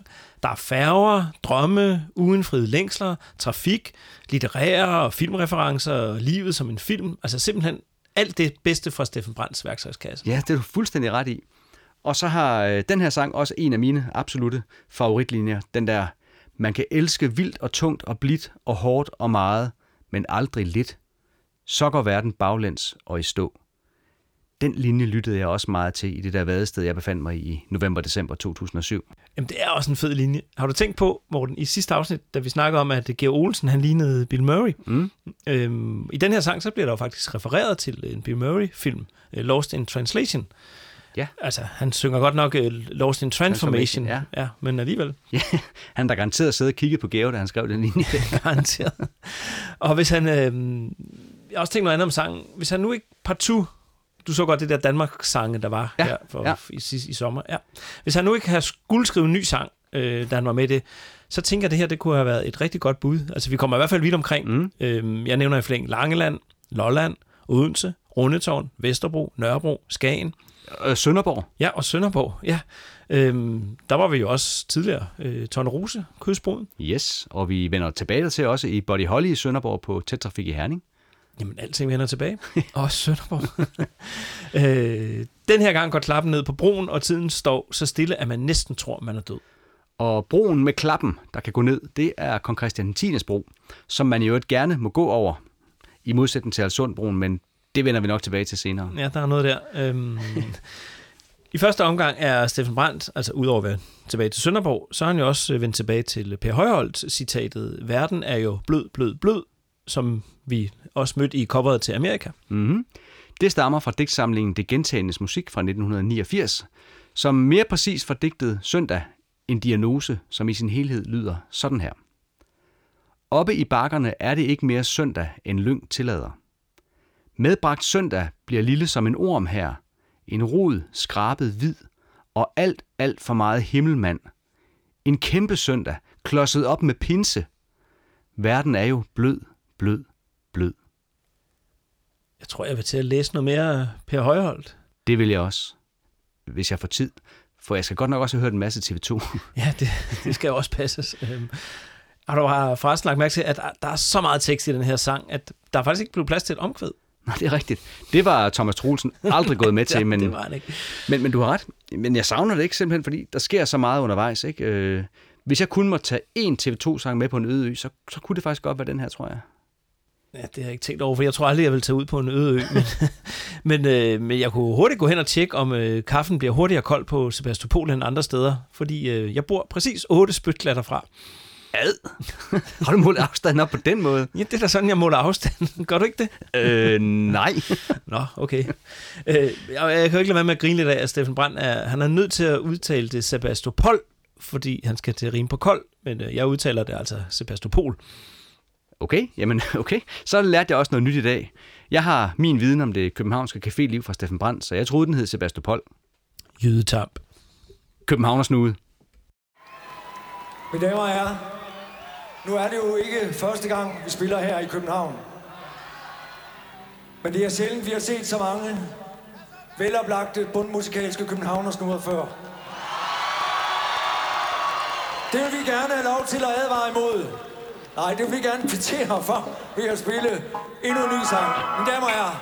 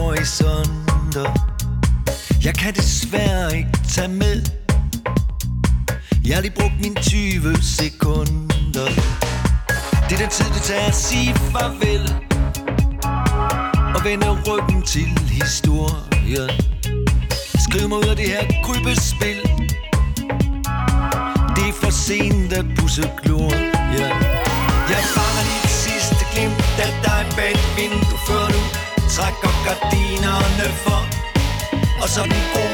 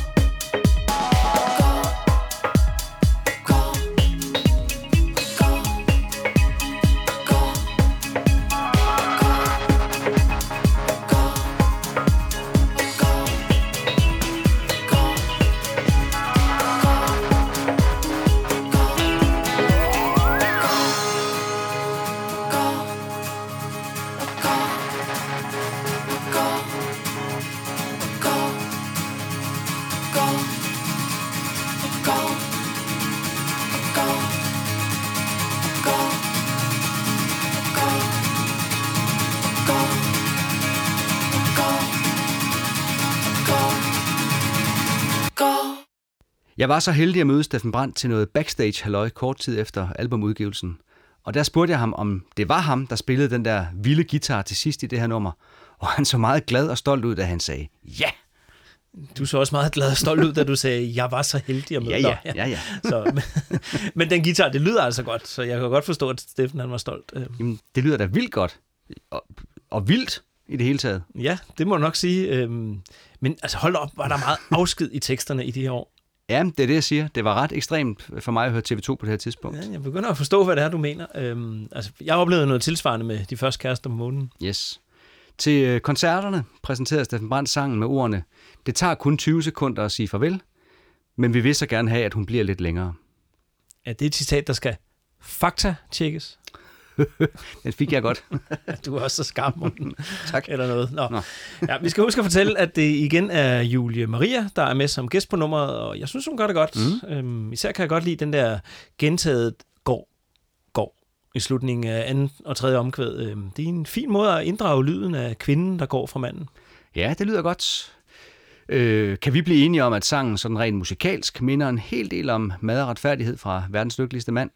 Jamen, det kan vi da sagtens, men øh, helt generelt, så synes jeg, at det er fedt, der er så mange effekter og gang i det i, på det her nummer. Øhm, og at, at der blev den der god plads til, til lyden, de forskellige instrumenter. Ja, men altså igen, hurra for Halvdan E. Hip hip. Og så er det lange... Jeg, jeg, jeg ved ikke præcis, hvor meget der skal tilskrives Halvdan E., og hvor meget der er Steffen Brandt og, og resten af TV2's fortjeneste. Men jeg ved, at ingen andre sangskrivere end Steffen Brandt kunne skrive og ikke mindst synge linjen, og så den gode gamle klassiske lyd nede fra gaden, lyden af nogen, der går. Nej, det er du fuldstændig ret i. I øvrigt så sagde Steffen Brandt tak for hjælpen til Julie Maria ved at medvirke som både medtekstforfatter og duetpartner på Julie Marias At elske dig fra på kanten af virkeligheden. Og det synes jeg måske godt, vi kunne høre lidt af her. Selvfølgelig da. Den kommer her.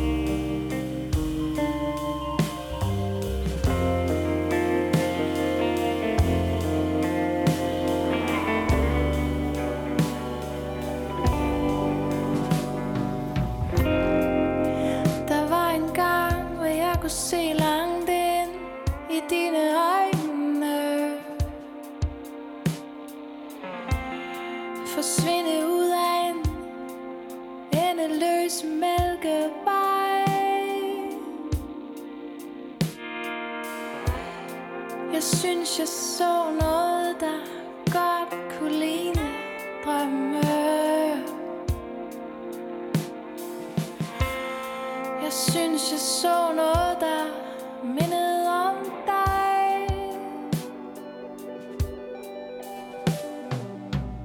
Men måske var det bare et lys glimt i det fjerne En spøgelsesbilist på vej ud mod en fremmed planet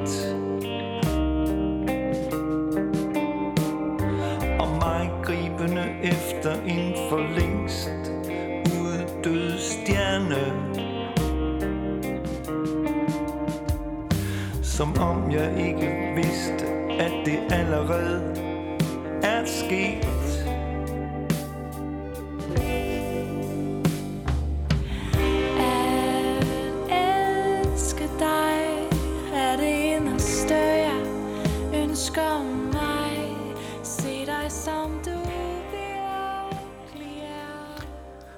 Tilbage til TV2 og tilbage på sporet. Tilbage på sporet, ja. Og den her gang mener vi det helt konkret, for som optakt til den store koncertturné i starten af 2008, gav TV2 koncert i et IC3-tog mellem Aarhus og København. Vi har allerede nævnt den togtur et par gange her i podcasten, fordi der var jo noget med, at du var med ombord, ikke Morten? Det var jeg nemlig. Man kunne vinde billetter til enten, enten koncerten fra Aarhus til Odense, eller til koncerten fra Odense til København, men på helt mirakuløs vis, så lykkedes det for mig at komme med til begge koncerter. Og hold nu op, hvor var det en forrygende togtur. Man havde simpelthen taget alle sæderne ud af en vogn i toget, og så stod hele orkestret, inklusive The Aarhus Horns og Unge Nielsen, nede i enden af vognen. Altså nu har jeg kørt tog herover i dag, og mm-hmm. jeg sad bare og tænkte på, at der skulle være plads til hele det orkester. inden. det må have set helt vildt ud. Men det gjorde det også. Og jeg var meget nervøs for, om det overhovedet kunne lyde godt i sådan en togvogn, men det kunne det, sagtens. Skulle I så også vise billetter undervejs? Altså, jeg ser sådan for mig den der sure togfører, der går op til Steffen Brandt midt i en sang for at høre, om han har gyldig rejse hjem. Nej, det skete heldigvis ikke, men øh, strømmen i toget gik på et tidspunkt uden for Korsør, og så måtte orkestret jo spille en unplugged udgave af Lanternen. Fedt. Jeg kan også godt huske den efterfølgende turné, fordi det var der, hvor der, det var den der tog- og stationstema med på scenen. Yes, øh, turnéen hed Station to Station Tour, Yep. og scenografien inkluderede rigtige togsignaler og stationsnavne fra de enkelte byer undervejs. Øh, det var på den her turné, at jeg var med til samtlige koncerter som merchandise-sælger, så jeg kom hele landet rundt, og jeg tog toget hele vejen på nær til Grenå, hvor jeg fik kørelejlighed. Wow. Skørt. Øhm, var TV2 også selv med toget? Nej, nej, de kørte rundt i deres moderne biler, mens jeg vendte mig i diverse sure togvogne på kryds og tværs af landet. Men du kom i hvert fald godt nok med til nogle koncerter. Kunne du egentlig godt nyde musikken, eller skulle du stå ude i den der merchandise-bod hele tiden? Ej, der var heldigvis masser af tid til også at gå ind og nyde musikken. Og når, så oplevede du så alle koncerterne. Mm. Øhm, kunne du fornemme sådan en udvikling undervejs på, eller spillede de bare den samme koncert igen og igen aften efter aften? Nej, men der var masser af udvikling og stor forskel. Øhm, for eksempel så øvede de stjernen i mit liv til en hel masse lydprøver undervejs. Inden den så endelig kom med til setlisten til en af de sidste koncerter, øh, hvor Greg Walsh i øvrigt var blandt publikum. Og der skete også det, mens turnéen var i gang, at øh, Anders Fogh Rasmussen til TV2-nyhederne sagde, at man snart måtte stoppe med den der sang om, at det er samfundets skyld. Den provokation kunne Steffen Brandt ikke ignorere, så derefter kom den med på setlisten også. Selvfølgelig gjorde den det. Skal mere end kold effekt i Og stænksel som mig For dig kunne jeg gøre alting udkom den 19. november 2007. Den er solgt i 80.000 eksemplarer, eller cirka halvt så mange som de første kærester på månen. Men det var altså stadig ret pænt salgstal. Øh, Det var ikke en fiasko. Nej. I et interview i Godmorgen Danmark kaldte Steffen Brandt pladen for den svære 17'er. Ja, det må have været en meget svær 17'er, fordi det er jo sådan set kun studiealbum nummer 16. Nå ja, men Jydekompaniet 3 er jo i virkeligheden også Jydekompaniet 2. Ja, ja. Så lad os bare kalde den for den svære 17'er. Sangene på pladen er produceret af Thomas Troelsen, Halvdan E., Henrik Nielsen og TV2 selv, og de er indspillet i Delta Lab og i Halvdan E's studie. Udover TV2 medvirker, som næsten altid, The Aarhus Horns, Og Henrik Nielsen, der denne gang hedder Henrik Smoke Underwater Nielsen. Julie Maria er også med, som vi sagde tidligere. Og Søren og Nikolaj Rasted, som vi jo også kender fra High Matematik, de er krediteret for at synge råbekor. Ja, jeg kan altså ikke høre dem nogen steder, men, øh, men Steffen Brandt er også blevet krediteret for råbekor på deres Vi burde ses noget mere album. Og herudover så er Snor B krediteret for Additional Keyboards, og hvem han er, det vender vi tilbage til lige om lidt. Mm-hmm. Jodam Kærgaard stod for cover og coverfoto, og til Randers station blev der lavet en musikvideo, der selvfølgelig blev optaget på stationen ved Københavns Lufthavn. Klart. Hvor skulle de ellers have optaget den? Nej, vel, jeg har ikke nogen idéer heller. Nej. Mm. På coveret så ser man en pige med en kuffert på en station. Øhm, er det billede så taget på Randers station i det mindste? Nixon, det er fra Hørning, syd for Aarhus. Og læg lige mærke til, hvordan de gule advarselsprikker ved perronkanten er blevet farvet blå, for bedre at passe ind i stilen. Nej, det er gennemført af det. Jeg har ikke lyst til at, at blive en parodi. Jeg har ikke lyst til at øh, blive dårligere, end jeg er nu. Jeg det skal, kan kun blive bedre. Jeg skal blive ved med at blive bedre. Det er ambitionen, og øh, den har jeg, og den er, er så brændende i mig, så øh, hvis ikke jeg kan leve den ud, så trækker vi os lige stille og roligt tilbage. Hvor kom det fra, det citat der?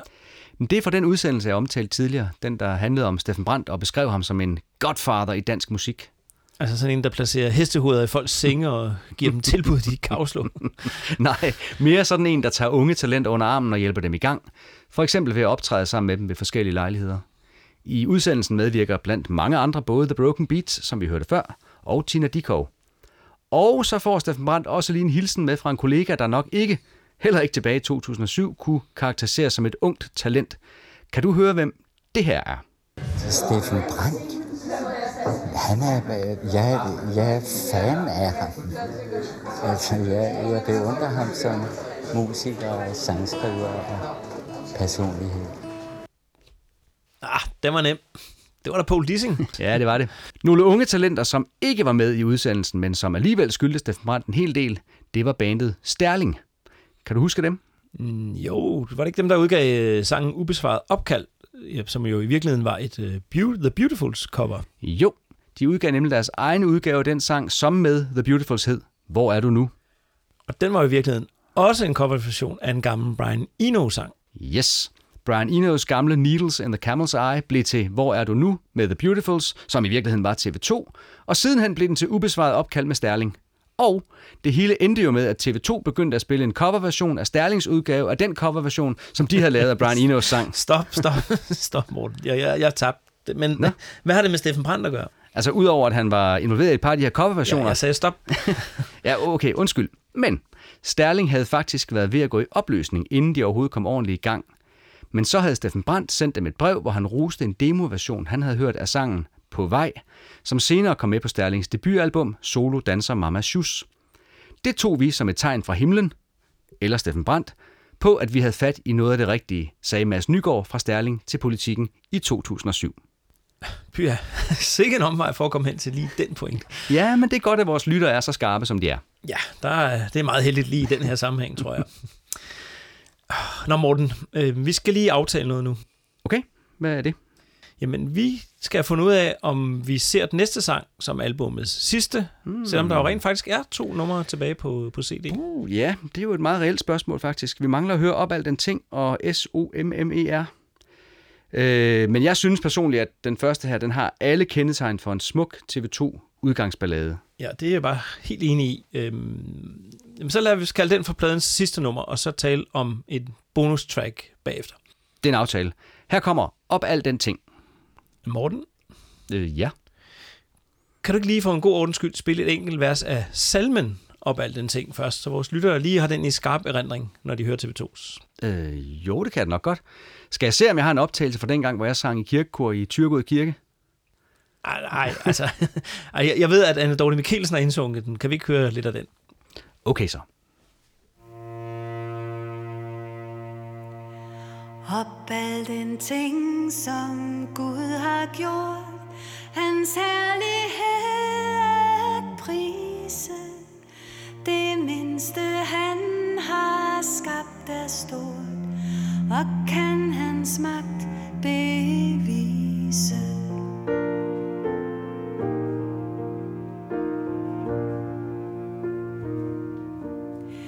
Gik alle konger frem på rad i deres magt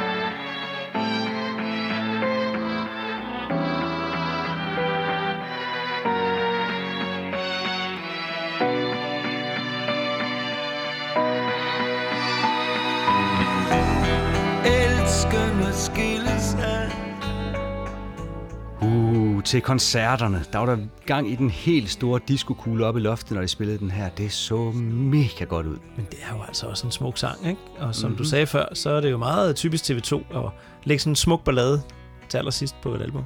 Ja.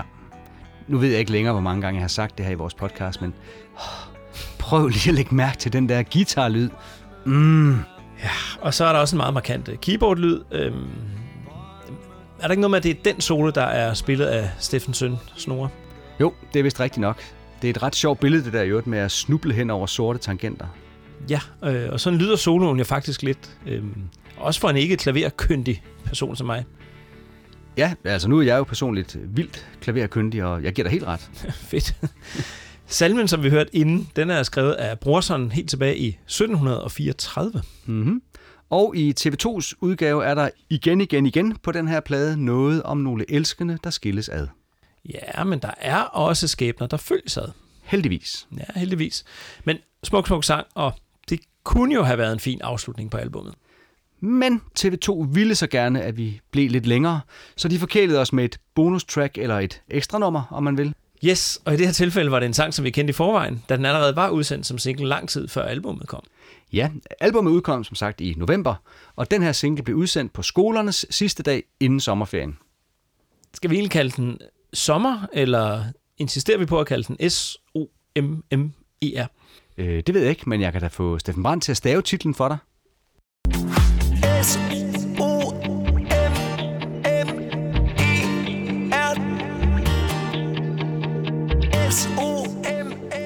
Okay, okay, godt så, som Steffen Brandt ville sige.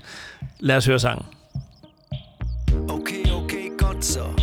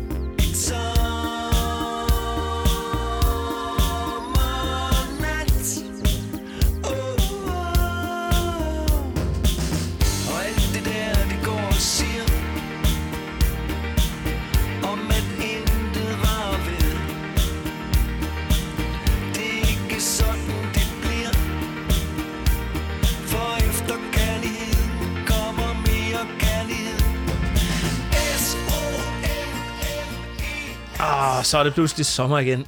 Dejligt. Hjemme hos os, så har vi nogle musikalske traditioner, mm. min datter og jeg. Når vi har fødselsdag, så skal vi høre hip hurra med Tommy Sebak, og når hun får sommerferie, så skal vi høre den her. Stærkt. Det er godt med den slags traditioner. Især, synes jeg, når det har noget med TV2 at gøre. Øh, Vi plejer at spille hele for dig, kunne jeg gøre alting, albumet den 19. november. Ja, nu forstår jeg jo så godt, hvorfor. Jeg kan huske, at der var nogen, der snakkede om, at det virkede sådan lidt for udspekuleret at udsende den her sang sådan lige præcis op til sommerferien. Men hey, altså, nye julesange skal der også helst udkomme op til jul, ikke? jo, det, jo, altså, jeg har ikke noget problem med sangen. Faktisk har jeg altid haft en svaghed for nummeret på grund af den her livsglæde. Altså, det, man kun kan føle den dag, klokken i skolen ringer ud til sommerferien. Ja, jeg kan også sagtens øh, genkalde mig fornemmelsen der. Men, øh, men nu bliver det vildt, Michael. Nå. Vores øh, podcast kommer nu til at tage en helt ny og meget uventet retning. Åh oh, nej, hvad nu? Ej, du skal, ikke, du skal ikke til at spille remix igen, det gider jeg ikke. Nej, det er jo ikke lige det. Men nu du siger det, så findes der da også en remixet udgave af S-O-M-M-E-R. Ja. Den sætter jeg lige på, inden jeg fuldstændig sprænger rammerne for, hvad vi ellers har foretaget os i den her podcast. Altså, nu er jeg både ked af, at jeg mindede dig om det, og at du skal sige et eller andet. Du gør mig helt nervøs, du.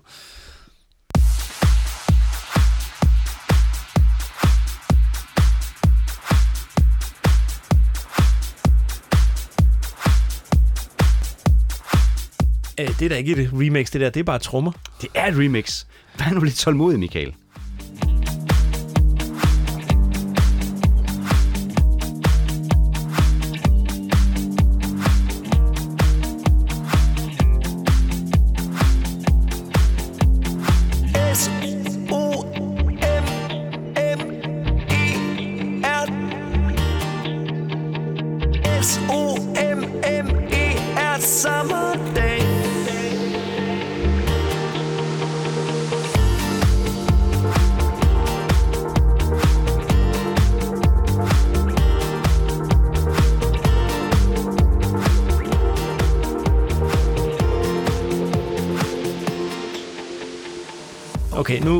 Den nægter at sige noget om det der. Jamen, det skal du heller ikke, fordi det er min tur til at sige noget vildt nu. Nå ja, hvad er det så, du vil sige? Jeg vil gerne, for første, og sandsynligvis eneste gang i den her podcast-serie, tillade mig at kritisere et sted i Steffen Brands tekstskrivning. What? Ja, det mener du ikke, vel? Jamen, det gør jeg. Og jeg siger det lige igen. Jeg holder meget af hver eneste TV2-sang, der findes. Også den her. Men her finder vi det i mine ører nok eneste eksempel på, at Steffen Brandt måske ikke helt har gjort sig umage nok. Hvor? Okay, okay, godt så. Her er en sommernat. Et nærmest lykkelig, før vi siger godnat. Nat rimer altså ikke på nat. Det, det er sjusk. Come on. nu er vi nede i PTS-afdelingen. Altså, jeg kan godt lide det. Ja, men altså, jeg er vild med referencen til nærmest lykkelig for eksempel, men han kunne godt have fundet på et bedre rim. Der er andet, der rimer på nat. Ja, men der er andre sange, han har rimet rigtig meget. Jeg tror bare, at han, han, han var kørt lidt træt i rimene. Jeg hører, hvad du siger, ikke? Men, men nej, jeg, jeg er faktisk ikke enig. Jeg synes, det fungerer fint. Okay, men det er i orden. Jeg synes bare, det skulle med, når nu vi taler så meget om TV2, så er det rart at få nogle nuancer på en gang imellem, ikke? Ja, ja. Ingenting er for små, åbenbart. Nå, har du fået det dit system nu? Skal lige... Jo, tak, det, det synes jeg. Okay, det var dejligt. Men noget helt andet. Ved du, hvem det der børnekor, der er med? Hvem er det? Øh, det ved jeg faktisk ikke. Altså, hvis nu du har brugt din tid på at undersøge det, i stedet for at sidde og bruge tid på at kritisere Steffen Brands tekster, var det en mulighed? Tekst, Michael. Tekst, ikke tekster. Tekst. Det er et sted i én tekst, jeg forholder mig lidt kritisk til. Og jeg kan jo endda godt lide sangen sådan som helhed. Ja, ja. Jeg siger bare, at det ikke kan betale sig at spilde sin tid på at være sur. Løb for livet, brug dog tiden og alt det der, du ved nok. Ja. Og du skal også tage imod de danse, du bliver op til, og ikke bare sidde og surmul over hjørnet. Ja, ja. Men Jeg er ikke sur. Nej. Og det er altså ikke mig, der har været en knavpot flest gange i den her episode, men Jeg kalder dig Peter. AK. Nå, apropos det der med at blive budt op til dans, du sagde, så sagde Steffen Brandt sådan her til Aarhus Stiftstidende i november 2007. Jeg måtte vælge, om jeg ville være spejder eller gå til dans.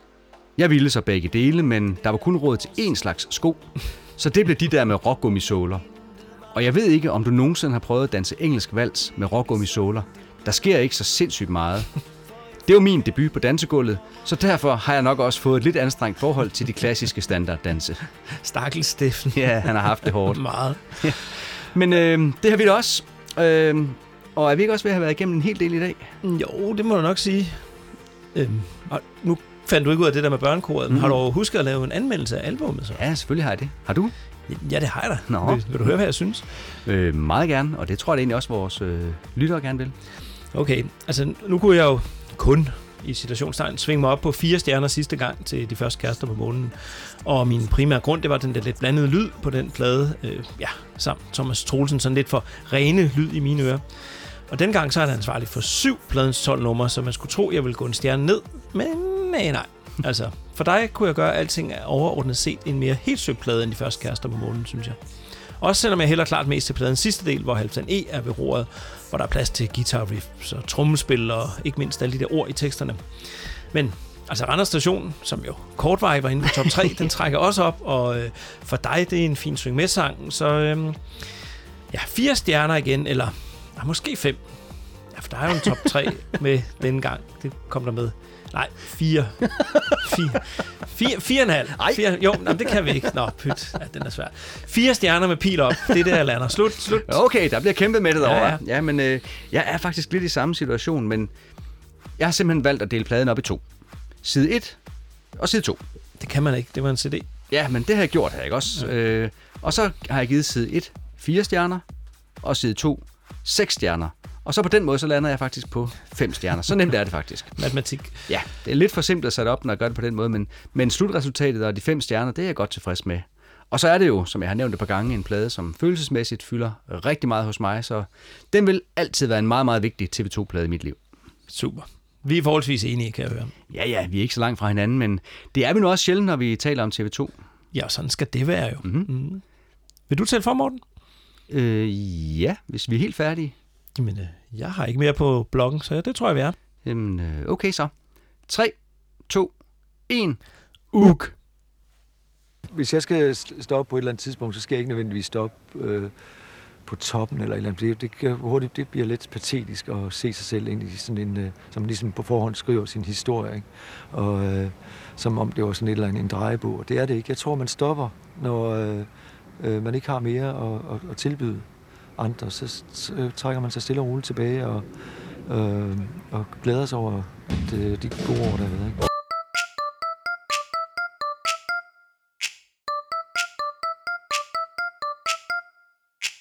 Vi taler kun om TV2 oh, oh. Ba, ba, da, ba, da, ba. De er gode